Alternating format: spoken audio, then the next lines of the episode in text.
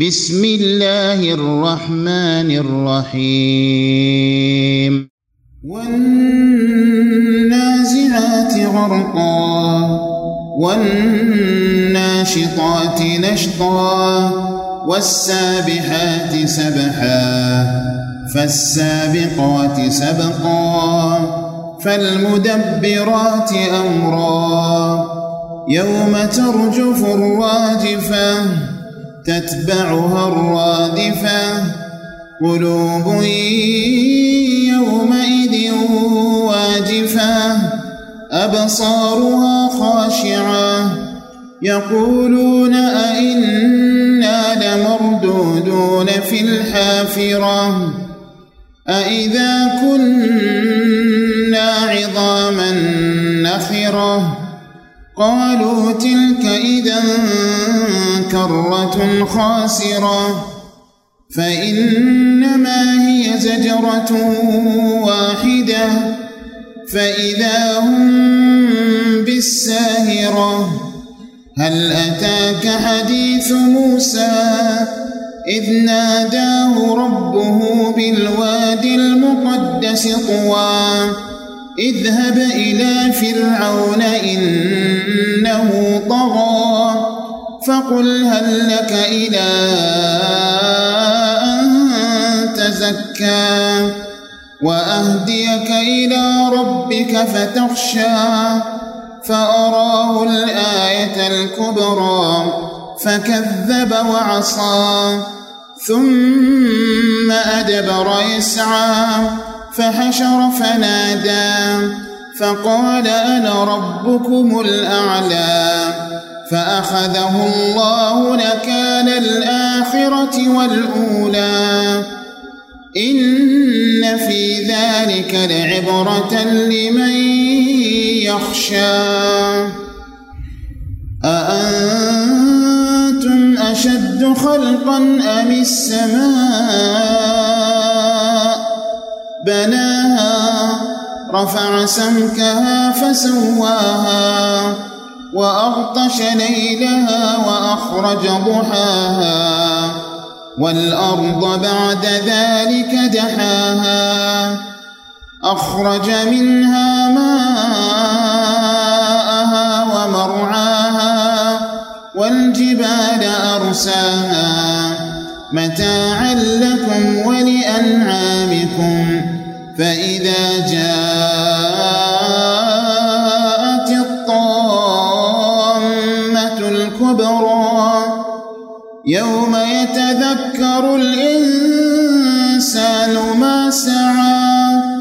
وبرزت الجحيم لمن يرى. فأما من طغى وآثر الحياة الدنيا فإن الجحيم هي المأوى. وأما من خاف مقام ربه ونهى النفس عن الهوى فإن الجنة هي المأوى. يسألونك عن الساعة أيان مرساها فيما أنت من ذكراها. إلى ربك منتهاها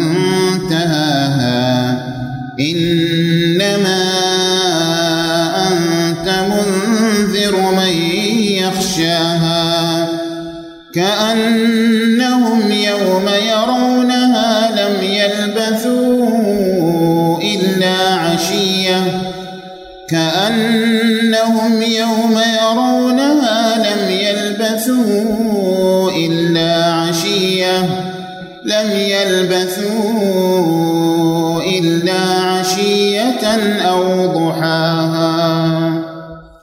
لله رب العالمين والصلاة والسلام على أشرف الأنبياء والمرسلين نبينا محمد وعلى آله وأصحابه أجمعين. أما بعد فمعنا في هذا المجلس تفسير سورة النازعات ومن أسمائها والنازعات ومن أسمائها المدبرات ومن أسمائها سورة الساهرة وغير ذلك من الأسماء. وهي سورة مكية بالإجماع. قال تعالى بسم الله الرحمن الرحيم والنازعات غرقا والناشطات نشطا والسابحات سبحا فالسابقات سبقا فالمدبرات أمرا. آه هذه الصفات على الراجح أنها صفات للملائكة وسبب الخلاف بين المفسرين في تفسير هذه الكلمات هو أنها نعت لمنعوت محذوف. فتفسير النازعات بأنها الملائكة جاء عن علي بن أبي طالب رضي الله عنه فيما رواه سعيد بن منصور بن المنذر وجاء عن ابن مسعود وابن عباس ومسروق فيما رواه الطبري وجاء عن مجاهد أيضا وجاء عن سعيد بن جبير فيما رواه الطبري قال نزعت أرواحهم ثم غرقت فمعنى النازعات غرقا أي أن الملائكة تنزع وتأخذ وتستخرج أرواح الكافرين بعنف وبغلظة وبشدة.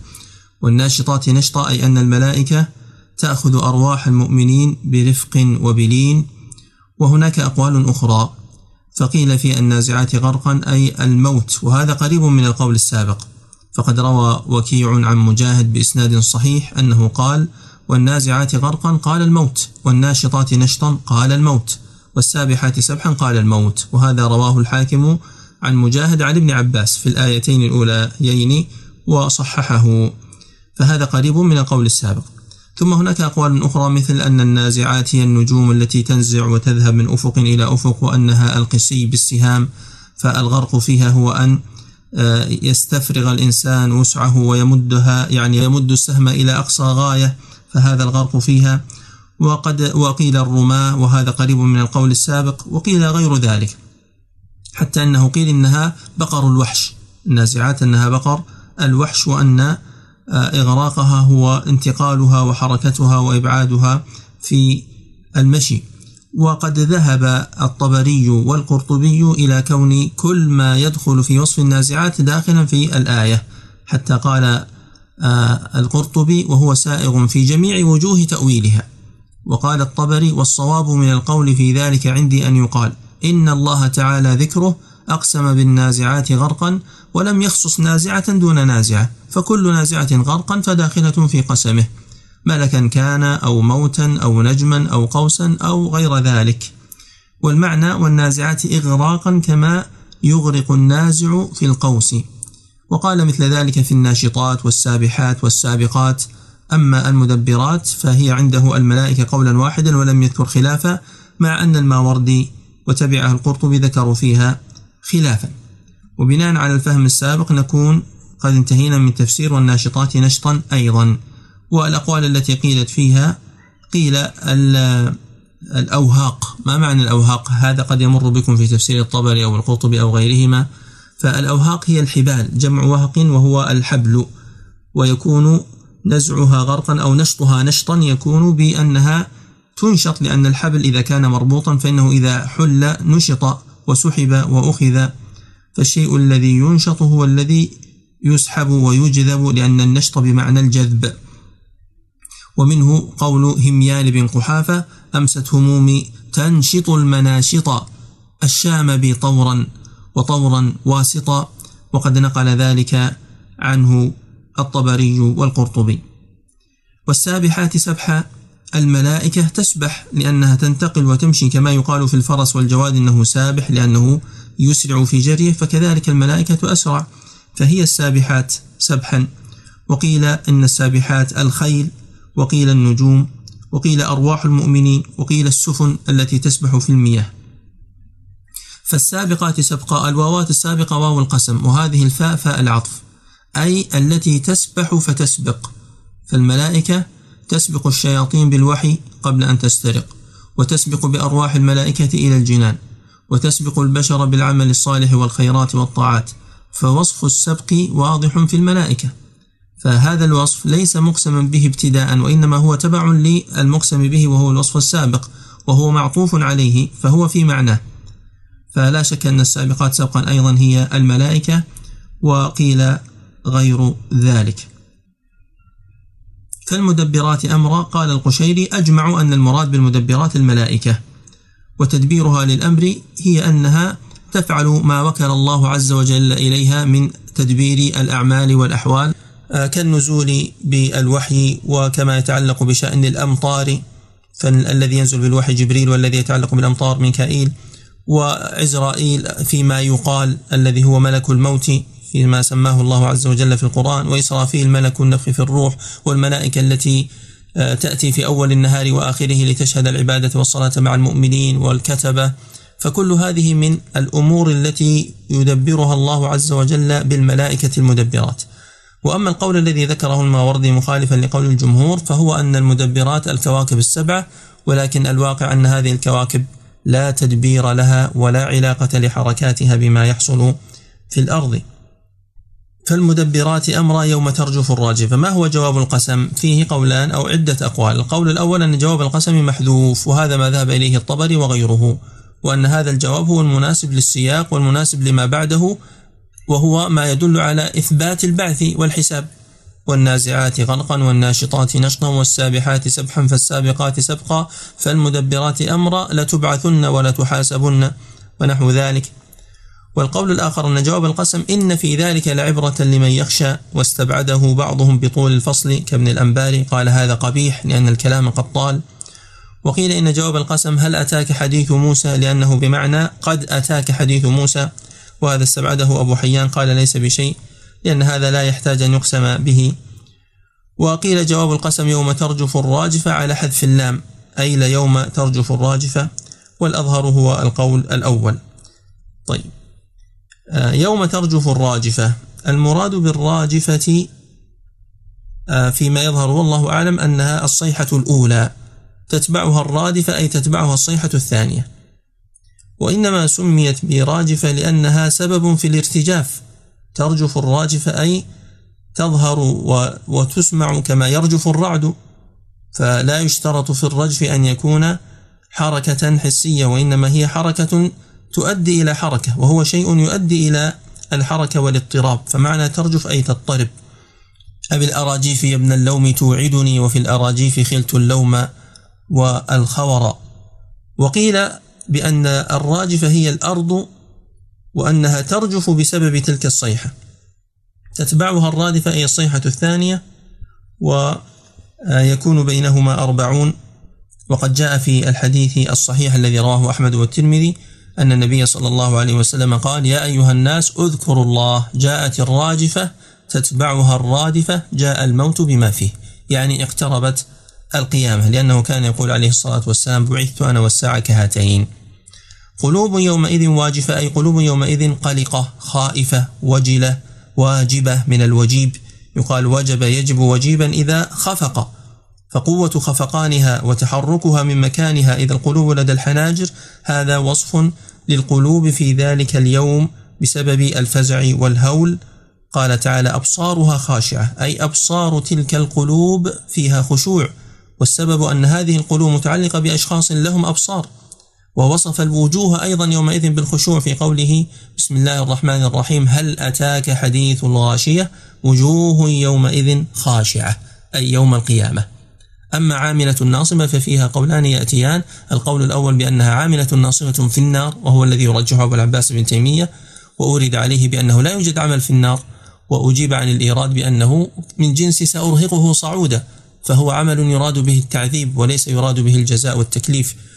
والوجه الثاني أنها عاملة ناصبة أي في الدنيا كانت عاملة ناصبة في الدنيا وهذا منطبق على بعض الكفار أنهم يعملون وينصبون وفي الآخرة يدخلون النار فلا هم بالذين استفادوا من نعيم الدنيا ولذاتها ولا هم بالذين استراحوا من عذاب الآخرة وجحيمها.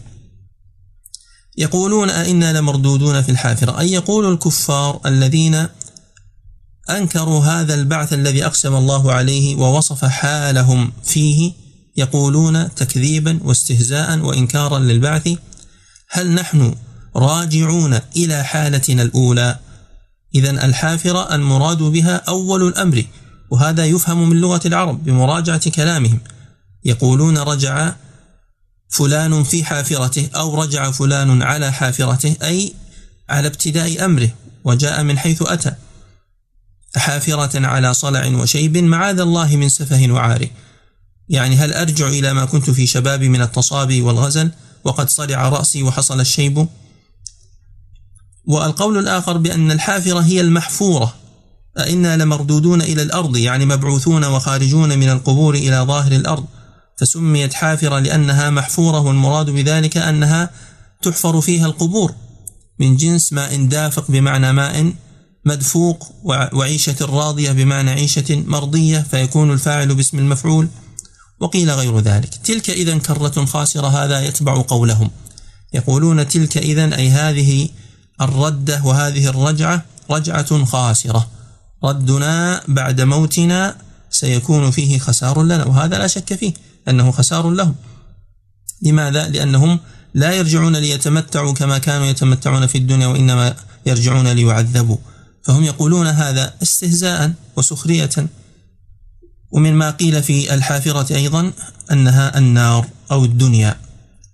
أإذا كنا عظاما نخرة وفي القراءة الأخرى ناخرة قرأ شعبة وحمزة والكسائي أإذا كنا عظاما ناخرة على وزن خاسرة والساهرة. وقرأ وقرأ الباقون أإذا كنا عظاما نخرة والمعنى واحد. المعنى واحد أي هل يكون ردنا وقد كنا وأصبحنا عظاما بالية فانية مجوفة مفتتة مجوفة تنخرها الريح؟ تنخرها الريح فهي ناخرة. يعني هذا استنكار للبعث كما يقولون مرارا وتكرارا. أإذا متنا وكنا ترابا أإذا كنا ترابا وعظاما. ونحو ذلك مما يعني يقولونه كما في سورة الإسراء عظاما ورفاتا. فهم يستبعدون البعث بأمر حسي ويغفلون عن أمر أقوى في أقوى من ذلك في الحس وهو إحياء النبات بعد أن يصبح هشيما وهو بدء خلقهم وقد كانوا عدما. نعم. ومن معاني أيضا تلك إذا كرة خاسرة تلك إذا رجعة كاذبة ليست بكائنة وهذا شيء لا نصدق به. قال تعالى في الرد عليهم فإنما هي زجرة واحدة يعني إنما هي صيحة ونفخة واحدة فتبعثون وتعودون بعد موتكم فإذا هم بالساهرة إذا هذه فجائية. يعني إذا حصلت هذه النفخة إذا هؤلاء الخلائق أجمعون المكذبون والمؤمنون على وجه الأرض لأن الساهرة هي الأرض. كانوا على بطنها وصاروا في ظهرها وتسمى ساهرة لأنها يسهر عليها فهي ذات سهر. وقد استدل ابن عباس والشعبي كما في مصنف ابن أبي شيبة والمفسرون عند هذه الآية بقول أمية بن أبي الصلت وفيها لحم ساهرة وبحر. وما فاه به لهم مقيم. يعني وفي هذا المكان الذي يصفه لحم برية من صيد البر ولحم بحر من صيد البحر. لحم ساهرة وبحر يعني لحم صيد ولحم بر. وهنا فائدة قال عكرمة كان ابن عباس إذا سئل عن شيء من القرآن أنشد أشعارا من أشعارهم. وهذا أيضا في مصنف ابن أبي شيبة وفي غيره. ففيه حجة لكون شواهد العرب مما يساعد على فهم الآيات وممن كان يفعل ذلك ممن كان يحضر مجالسنا وتوفي قريبا رحمه الله وغفر له أخونا ماجد بن فهيد رحمه الله. فكان إذا مر بنا في أثناء الدرس كلمة غريبة يأتي بشاهدها من شعر العرب مباشرة من حفظه رحمه الله وغفر له. ومن ذلك ما ذكروه هنا من أبيات فيها كلمات وردت في هذه الآيات. وأنها قيلت في يوم ذي قار الذي كان قبيل البعث بقليل في الجاهلية. قال شاعرهم أقدم محاج إنها الأساورة ولا يهولنك رجل نادرة ولا يهولنك رجل نادرة لأن رجله كانت قد قطعت نذرت يعني قطعت رجله. ولا يهولنك رجل نادرة فإنما قصرك ترب الساهرة يعني قصاراك ومنتهاك. هذا التراب الذي على الساهرة التي هي الأرض. ثم تعود بعدها في الحافرة من بعد ما صرت عظاما ناخرة لأن بعض الجاهليين كان يؤمن بالبعث وهذا واضح في شعر زهير بن أبي سلمى وغيره. فإذا هم بالساهرة جاء بسند تالف عن ابن عمر قال الساهرة تل في ثلث الهواء يزجرون من هذه فيصيرون بذلك التل. وهذا قد رواه العقيلي في الضعفاء وكله علل. فيه أولا محمد بن عثيم أبو ذر قال بن معين ليس بشيء وقال مرة كذاب وقال البخاري منكر الحديث رواهن العقيلي عنهم. ثانيا انفراد محمد بن عثيم هذا كما قال العقيلي لا يتابع عليه. ثالثا محمد بن عبد الرحمن البيلماني هذا لوحده كاف في إضعاف الحديث فكيف إذا جمع مع من قبله ومع من بعده وهو الرابع والده لأنه يرويه عن والده. عن ابن عمر وهذه العلة الخامسة وهو أن والده لا يروي عن ابن عمر فهو منقطع. فتفسير الساهرة بتل بين السماء والأرض أو يكون في الهواء هذا لا صحة له أبدا. وقيل غير ذلك قيل إن الساهرة اسم لأرض معينة في هذه الأرض يكون الحشر فيها وقيل إنها اسم للصحراء أو غير ذلك. والأشهر هو الأول. قال تعالى هل أتاك حديث موسى؟ فهذا ابتداء أمر فيه تسلية للنبي صلى الله عليه وسلم أن هؤلاء الكفار هناك من سبقهم ممن هو أشد كفرا وأعتى. وانظر إلى مصيره لتعلم أنه لا يعجز الله شيء وليكون ذلك تسلية لك. هل جاءك خبر ونبأ موسى ابن عمران عليه الصلاة والسلام؟ إذ ناداه ربه بالوادي المقدس طوى. فهذا ظرف متعلق بما قبله. هل أتاك إذ, إذ ناداه الله عز وجل؟ أين ناداه سبحانه؟ بواد مقدس أي معظم. وهذا الوادي هو طوى فطوى اسم له. ثم القراء على ثلاثة أضرب أو ثلاثة أوجه. طوى بالتنوين لأنه اسم خفيف. وطوى بالتنوين وهناك وجه آخر بعدم التنوين. طوى بعدم التنوين وهذا بناء على أنه ممنوع من الصرف للعالمية والعدل. مثل عمر معدون به عن عامر زفر معدون به عن زافر أخر معدون به عن آخر. فالعالمية والعدل علة عدم تنوينه على قراءة من لم ينونه ففيه وجهان. اذهب إلى فرعون إنه طغى. ناداه ربه قائلا له اذهب إلى فرعون مع أنه قد أرسل إلى غيره. لكن فرعون هو الطاغية يعني أكبر من طغى في ذلك المكان الذي هو مرسل إليه وهو الذي سيمنع الناس من الإيمان هو فرعون. فلذلك عندما يجاهد الكفار إنما يجاهد هؤلاء الذين يقفون في طريق الدعوة. ويمنعون الناس من الإسلام. فلذلك أرسل إليه ابتداء مع كونه مرسلا إلى بني إسرائيل ومرسلا إلى من يتبعه ممن بعث إليهم أجمعين. اذهب إلى فرعون. لماذا؟ إنه طغى. جاوز القدر في العصيان. وفيه تحذير من الطغيان. وذلك في كل شيء. الطغيان في الجاه الطغيان في الملك الطغيان في المال والطغيان في العلم. كما قال ابن منبه إن للعلم طغيانا كطغيان المال. كما رواه زهير بن حرب في كتاب العلم. فطغيان العلم أن يكون عند الإنسان اعتداد بعلمه وافتخار على الناس وتجاوز وتطاول وعجب وغير ذلك. وسيذكر الله عز وجل مصير الطغاة في آخر السورة. فقل هل لك إلى أن تزكى؟ قل يا موسى لفرعون هل لك؟ هذا أسلوب عرض وأسلوب فيه أدب شديد وفيه آه وفيه لطف ورفق به وهذا يعلمنا أن يكون الداعية كذلك. وأن يكون الداعية مع الإنسان الذي ليس بمعارض من باب أولى لطيفا رفيقا وأن لا يستعمل الصلف. وأذكر قصة فيها هذه الكلمة هل لك آه، فيما ذكره الجوهري في الصحاح. قال الخليل بن أحمد وهو الفراهيدي شيخ سيبويه المعروف قلت لأبي الدقيش هل لك في ثريدة كأن ودكها عيون الضياون؟ هو يدعوه يعني يعزمه إلى ثريدة في بيته. إذا ما الخبز تأدمه بلحم فذاك أمانة الله الثريد. يدعوه إليك أن ودكها أي سمنها وما يسيل منها. عيون الضياون يعني جمع ضيون وهو الهر الذكر. فقال في جواب ذلك موافقا له أشد الهل. ما معنى أشد الهل؟ لأنه قال هل لك قال أشد الهل يعني أوافقك وبقوة. فاستفاد من ذلك وهو الشاهد الذي لأجله ذكر الجوهري هذه الفائدة أن هل حرف استفهام وأن لامه مخففة ساكنة. فإذا جعلته اسما شددته لأنه قال أشد الهل الذي ذكر في السؤال.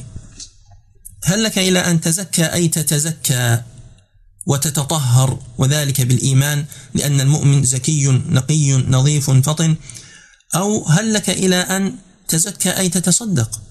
وذلك ثمرة الإيمان ونتيجته. والأول هو الأظهر وتزكى وتتزكى بمعنى واحد فجاءت القراءة بالتشديد تزكى لأنها أصلها تتزكى فضمت التاء الثانية وأدغمت في الزاي أو تزكى بتاء واحدة لأن القاعدة في الصرف أن كل فعل مضارع مبدوء بتاءين مفتوحين أن كل فعل مضارع مبدوء بتاءين مفتوحتين يجوز حذف إحداهما. تولى تتولى تلظى تتلظى وهلم جرا وأهديك إلى ربك فتخشى أي أرشدك وأدلك أي أرشدك وأدلك على ربك حقيقة وهو الله عز وجل. فتخشى أي تخاف وتتقي فأراه الآية الكبرى. وذلك بطلب من فرعون. إن كان معك آية فأت بها فأراه الآية الكبرى وهي اليد والعصا. فكذب وعصى كذب فرعون موسى وكفر بالله عز وجل وعصاه فيما دعاه إليه من الهداية ومن الإيمان والطاعة ثم أدبر يسعى أي ولى وأعرض يمشي فحشر فنادى فقال أنا ربكم الأعلى. وهذا قمة الطغيان. حشر الناس ونادى فيهم بصوت عال وقال أنا ربكم الأعلى الذي لا رب لكم غيري ولا رب لكم فوقي وهما كلمتان. هنا وفي سورة القصص. الكلمة الأولى فيما ذكروا أنه قال أنا ربكم الأعلى وبعدها بأربعين سنة قال ما علمت لكم من إله غيري. أصلا ما في رب إلا أنا كما يقول معاذ الله. وهذا قد جاء فيه أثر لعلي أنظر إليه في تفسير الطبري ننظر في إسناده. قال ابن عباس ومجاهد وعكرمة أن بينهما أربعين سنة لأن هذا سيساعدنا في تفسير قوله تعالى فأخذه الله نكال الآخرة والأولى. فإنه قيل في تفسير الآخرة والأولى أي الكلمتين الكلمة الآخرة والكلمة الأولى. وهي أنا ربكم الأعلى ما علمت لكم من إله غيري. نعم هذا هو الذي ذكره الطبري. قال وبنحو الذي قلنا قال جماعة من أهل التأويل. قال حدثنا أبو كريب قال سمعت أبا بكر أظنه بن عياش فسره بذلك قيل له من ذكر؟ قال أبو حسين. فقيل له عن أبي الضحى عن ابن عباس قال نعم. فيكون هذا صحيح عن ابن عباس. إن لم يكن فيه علة خفية. وجاء عن ابن عباس بإسناد آخر فيه ضعف وجاء عن مجاهد بإسناد صحيح وجاء عن الشعبي أيضا بإسنادين. إذا يكون هذا هو التفسير الأول لقوله تعالى فأخذه الله نكال الآخرة والأولى أي نكال الكلمة الآخرة والكلمة الأولى التي آه، اللتين صدرتا عنه. وقيل أخذه الله نكال الدنيا والآخرة نكال الآخرة أي يوم القيامة وما بعد الموت ونكال الأولى أي تعذيبه وإغراقه في الدنيا. فجعله الله عز وجل نكالا والنكال هي العقوبة التي يحصل بها تنكيل وعظة للآخرين. وقيل نكال الآخرة والأولى بالنسبة لحياته هو حياته الأولى وحياته الآخرة. إن في ذلك لعبرة لمن يخشى. في ذلك الذي أخبرت به وفي ذلك الذي ذكرته لكم من قصة فرعون عبرة وعظة لمن كان في قلبه خشية لله عز وجل. وهذا يدعونا إلى أن نقرأ القصص التي في القرآن بقلوب واعية لتحصل لنا العبرة وأن نقرأ الأخبار أيضا بهذه الروح وبهذا النفس وبهذه النظرة. اقرأوا التاريخ إذ فيه العبر. ضل قوم ليس يدرون الخبر. ويعجبني كثيرا بعض المتقدمين ممن يقف مع كل مشهد يراه فيأخذ منه عبرة. وتجدون أمثلة لذلك فيما يكتبه ابن حزم في بعض كتبه مثل الأخلاق والسير وكذلك ابن الجوزي في كتابه صيد الخاطر وغيرهم أيضا من أهل العلم. فيمر به مشهد عابر فيدونه مع أنه مشهد لو لم يدونه لما علم به أحد ثم يربطه بأمر فيه عبرة وفيه عظة للناس. أأنتم أشد خلقا أم السماء بناها؟ أأنتم يا كفار مكة ويا من أنكرتم البعث؟ أشد خلقا أم أم السماء التي بناها الله عز وجل وترونها فوقكم؟ فالله عز وجل يدلكم على أن خلقكم أيسر وأهون وأسهل ابتداء وإعادة بعد مماتكم من خلق السماء التي بناها الله عز وجل بغير عمد. رفع سمكها فسواها. قد تكون هذه الكلمة هي التي تحتاج بيان في هذه السورة. هناك كلمات غريبة في هذه السورة كما ترون ومنها هذه الكلمة. ومنها هذه الكلمة كلمة سمكها. فسمكها بمعنى بناءها وبمعنى سقفها. رفع سقفها وجعلها مرتفعة في السماء ولذلك تسمى السماوات بالمسموكات. ويقال اسمُك في الريم أو في الريم أي يصعد وعلو في الدرجة. وقد قال الفرزدق في الأبيات المشهورة السائرة إن الذي سمك السماء بنى لنا. بيتا دعائمه أعز وأطول. بيتا بناه لنا المليك وما بنى حكم السماء فإنه لا ينقل. بيتا زرارة محتب بفنائه ومجاشع وأبو الفوارس. نهشل يفخر بهؤلاء من آبائه وأجداده. على جرير. والشاهد إن الذي سمك السماء أي رفع السماء وبنى السماء. قد بنى لنا بيتا دعائمه أعز وأطول. فسواها أي جعلها مستوية لا تفاوت فيها ولا شقوق ولا فطور وأغطش ليلها وأخرج ضحاها. أي أظلم ليلها. يقال أغطش كأظلم. أظلم الليل وأظلمه الله. وأغطش الليل بنفسه وأغطش الله الليل. ويقال فلان أغطش وفلان غطشاء أي في نظرها عمى أو قرب من العمى وشبه به. وأخرج ضحاها أي أبرز وأوضح. نهارها وضوءها والضحى هو أول النهار والأرض بعد ذلك دحاها. والأرض بعد ذلك دحاها. هذا من الاشتغال. ومعنى دحاها أي بسطها في قول عامة المفسرين. كما قال زيد بن عمرو بن نفيل وأسلمت وجهي لمن أسلمت وأسلمت وجهي لمن أسلمت له الأرض تحمل صخرا ثقال دحاها فلما استوت شدها. بأيد وأرسى عليها الجبال. وهذا قريب من قول من قال بأن دحاها بمعنى بمعنى حرثها وشقها كما جاء عن عبد الرحمن بن زيد في رواه الطبري. وفي ذلك أثر في صحيح البخاري عن سعيد بن جبير عن ابن عباس عندما سئل عن هذه الآية مع آية فصلت فبين أن الله عز وجل خلق الأرض في يومين ثم خلق السماء ثم استوى إلى السماء فسواهن في يومين آخرين ثم دحى الأرض. ودحوها أن أخرج منها الماء والمرعى وخلق الجبال والآكام والرمال والسبل. وهذا كان بعد خلق السماء. وهذا صح عن ابن عباس وقد رواه أيضا الطبري. وهو الذي ذهب إليه الطبري. قال لا حاجة لتفسيري بعد ذلك بمعنى مع ذلك. ويستدل عليه بنحو عتل بعد ذلك زنيم. فقلت لها في إليك فإنني حرام وإني بعد ذاك لبيب. نقول لا داعي لأن كلمة بعد عكس كلمة قبل ولا يوجد هناك شيء يمنع من تفسيره على ظاهرها فيحمل على ما قاله ابن عباس. وكنت أريد أن أجعل هذا سؤالا لكم للبحث لكن سبق تفصيله في أول أظن يعني له مناسبتان في سورة البقرة. هو الذي خلق لكم ما في الأرض جميعا ثم استوى إلى السماء. وأيضا في سورة فصلت في أولها. فنفهمها كالتالي يعني خلق الأرض أولا ثم خلق السماوات بما فيها ثم دحو الأرض بمعنى بسطها وجعل ما فيها من الأشياء التي ذكرت هنا. أخرج منها ماءها ومرعاها والجبال أرساها متاعا لكم ولأنعامكم. فالله أخرج من الأرض ماءها من العيون ومرعاها من النبات. قال ابن قتيبة دل بشيئين على جميع ما أخرجه من الأرض قوتا ومتاعا للأنام وللأنعام. هذه زيادة من عندي وللأنعام.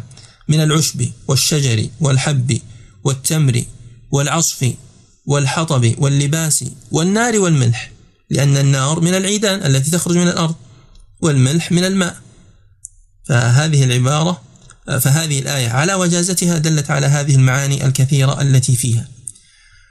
وأرسى الجبال أرساها يعني جعلها راسية ثابتة ترسي الأرض متاعا لكم ولأنعامكم أي منفعة لكم إلى حين وبلغة لكم ولأنعامكم من الإبل والبقر والغنم التي فيها منافع لكم فإذا جاءت الطامة الكبرى أي جاءت الداهية العظمى وهي يوم القيامة وسميت بذلك لأنها تطم وتطم لعظمتها وغلبة هولها سميت طامة وسميت صاخة ولها أسماء كثيرة.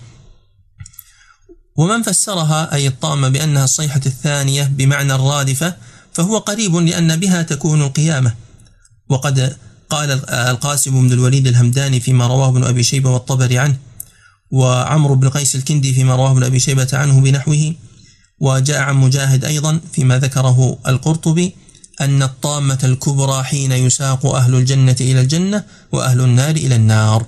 فهذه هي الداهية التي طمت وعظمت كما قال القائل إن بعض الحب يعمي ويصم وكذاك البغض أدهى وأطم. ويقال طم الوادي بمعنى طم على كل شيء وارتفع وعلى. يوم يتذكر الإنسان ما سعى فجواب إذا محذوف للدلالة عليه. فإذا جاءت الطامة جاء شيء عظيم وهول مقيم. وذلك أنه إذا حذف الشيء فليذهب الذهن فيه كل مذهب في الغاية التي وجه إليها من عظم الشيء وهوله. فذلك اليوم وصف بأمر وهو يوم يتذكر الإنسان ما سعى. إذا الطامة هو ذلك اليوم. يوم يتذكر الإنسان كل إنسان من مؤمن وكافر من صالح وفاجر يتذكر ما سعى أي ما قدم وما عمل من خير أو شر. وبرزت الجحيم لمن يرى أي أظهرت وظهرت أظهرها الله عز وجل وقربها لمن يراها. وذلك قيل الكافر وقيل كل الناس لأن في ذلك خوف خوف عام في ذلك المقام العظيم. وقرئ برزت الجحيم أي ظهرت فهي برزت لمن يراها أو لمن ترى في قراءة أخرى. ثم قسم الله عز وجل الخلق إلى قسمين فقال فأما من طغى وآثر الحياة الدنيا فإن الجحيم هي المأوى. الذي طغى أي تجاوز الحد بالكفر وبالظلم وغير ذلك وآثر أي قدم الحياة الدنيا على الآخرة وذلك بجحوده للآخرة وكفره بها أو بأنه لم يقدم لها شيئا فهو آمن ولم يعمل لها فآثر الحياة الدنيا عليها. فإن الجحيم هي المأوى فإن كان من القسم الأول فإن كان من القسم الأول فهي مأواه أبد الآباد وإن كان من الثاني ولم يعفو الله عنه فهي مأواه إلى أمد. فالمأوى بمعنى المسكن والمرجع والمآب والمصير. ثم ذكر القسم الثاني فقال وأما من خاف مقام ربه ونهى النفس عن الهوى فإن الجنة هي المأوى. من خاف مقام الله عز وجل هذه تحتمل معنيين. الأول خوف مقام العبد بين يدي ربه وللعبد بين يدي ربه مقامان. إذا أحسن المقام الأول هان عليه المقام الثاني. فالمقام الأول وقوفه بين يديه في الصلاة والمقام الثاني وقوفه بين يديه في الآخرة. فخوف مقام العبد بين يدي ربه فيخاف يوم القيامة والحساب والجزاء إذا نظر لذنوبه وتذكر تقصيره وتفريطه في جنب ربه. ويكون على هذا من إضافة المصدر إلى المفعول أو متعلق المفعول. مقام ربه مقام العبد أي أن يقوم العبد بين يدي ربه. والثاني خوف مقام الله ومنزلة الله تعالى وعظمته وقيام الله عليه. فمن هو قائم على كل نفس بما كسبت؟ وهذا من جنس إضافة المصدر للفاعل أن الله عز وجل هو القائم على ذلك العبد وقد أشار إلى هذين المعنيين ابن القيم في طريق الهجرتين وهو من جنس قوله تعالى ولمن خاف مقام ربه جنتان ونهى النفس عن الهوى زجر النفس عن المحارم وهذا فيه إذكاء للمراقبة والمحاسبة أن يراقب الإنسان ربه وأنه إذا خلا ينهى نفسه عن الهوى لأنه متذكر لمقام ربه عز وجل. وقد قال القرطبي قال سهر وقال القرطبي عند هذه الآية وقال سهل أظن بن عبد الله التستري ترك الهوى مفتاح الجنة لقوله عز وجل وأما من خاف مقام ربه ونهى النفس عن الهوى وقال عبد الله بن مسعود أنتم في زمان يقود الحق الهوى وسيأتي زمان يقود الهوى الحق. فنعوذ بالله من ذلك الزمان. وهذا واضح وضوح العيان. كيف يقود الهوى الحق؟ الهوى فاعل والحق مفعول به. كأن يسأله الشخص وهو يعلم أن هواه في أمر فيقول الأمر فيه خلاف. تريد القول الأول أو القول الثاني؟ فالحق الذي ينبغي أن يكون الهوى يتبعه يصبح تابعا للهوى. فالذي تريده نطوع الهوى له. ونجعل الفتاوى ونجعل القرارات ونجعل كل شيء على هواك. ماذا تريد فقط؟ تريد الحرام نجعل حرام. تريده مباحا نجعله مباحا. تريده واجبا نوجبه عليهم. فحينئذ هذا كلام خطير. لذلك قال القرطبي فنعوذ بالله من ذلك الزمان. فإن الجنة هي المأوى لهؤلاء الطائفة وهي المنزل وهي المصير. فمن خاف مقام ربه وكذلك الأول الذي آثر الحياة الدنيا كلاهما عام. وقد ذكر وقد ذكر بعض المفسرين نزولها في بعض الأفراد ولكن عمومها ظاهر وهذا لا ينافي دخول من ذكر من أهل الإيمان في من خاف مقام ربه ومن أهل الكفران في آه، من طغى في من طغى وآثر الحياة الدنيا. قال تعالى يسألونك عن الساعة أيان مرساها. يعني يسألك الكفار عن الساعة أيان منتهاها ورسوها وحصولها. كرسو السفينة فإن السفينة إذا رست في الشاطئ انتهت. فكذلك هذه الساعة متى تقوم ومتى تأتي ومتى ينتهي أجلها والأمد الذي ضرب لنا حتى تأتي. وقد جاء في ذلك ما رواه الطبري. وكنت قد نعم جهزت الصفحة التي ذكر فيها ذلك. قال حدثنا أبو كريب قال حدثنا وكيع عن إسماعيل عن طارق بن شهاب وهو من صغار الصحابة له رؤية. قال كان النبي صلى الله عليه وسلم لا يزال يذكر شأن الساعة حتى نزلت يسألونك عن الساعة أيان مرساها إلى من يخشاها. وقد رواه النسائي أيضا وابن مردوية والطبراني. وهذا آه، قد استبعده المزيني من جهتين. أولا أنه ليس فيه سؤال والآية فيها يسألونك. والأمر الثاني هو يسألونك عن الساعة أيان مرساها فيما أنت من ذكراها إلى ربك منتهى. وذكر أمرا آخر أيضا نسيته الآن. المهم أن حاول القرطبي أن يجمع بين الأمرين وأن يقول بأنه لما كان المشركون يكثرون في مساءلة من النبي صلى الله عليه وسلم عن الساعة إنكارا منهم لها كان النبي صلى الله عليه وسلم يهمه شأنها. فنزل فنزلت هذه الآية لبيان أن النبي صلى الله عليه وسلم ليس له علاقة بقيام الساعة فيما أنت من ذكرها في أي شيء أنت من ذكر قيام الساعة وتحديد وقتها. أنت مطالب بأن تبين لهم أنها ستقع وأنه يجب عليهم الإيمان بها وتخبرهم بما فيها من الأهوال ليستعدوا لها.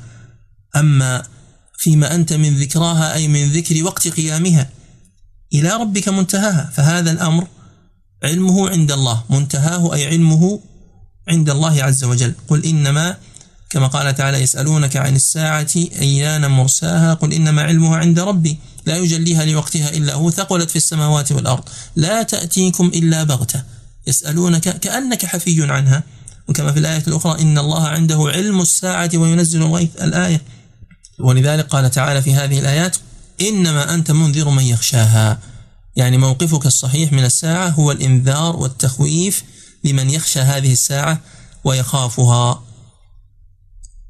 وفيها قراءات منذر من يخشاها منذر من يخشاها لأنه اسم الفاعل قد يعمل وقد يضاف. مثل بالغ بالغ أمره بالغ أمره في سورة الطلاق موهن موهن كيد الكافرين موهن كيد الكافرين في سورة الرعد. وهنا سؤال للبحث. قال القرطبي والآية رد على من قال أحوال الآخرة غير محسوسة. وإنما هي راحة الروح أو تألمها من غير حس. السؤال ما وجه الدلالة؟ ترجعون إلى هذا النص في تفسير القرطبي وتتأملون في ما وجه دلالة الآية على ذلك. وكان سؤال المجلس الماضي هو في قوله سبحانه وتعالى لا إله إلا الله في الوجه الثاني من سورة النبأ. نعم دهاقة. قلنا لكم أن كلمة دهاقة هناك تفسير لأبي هريرة لهذه الكلمة.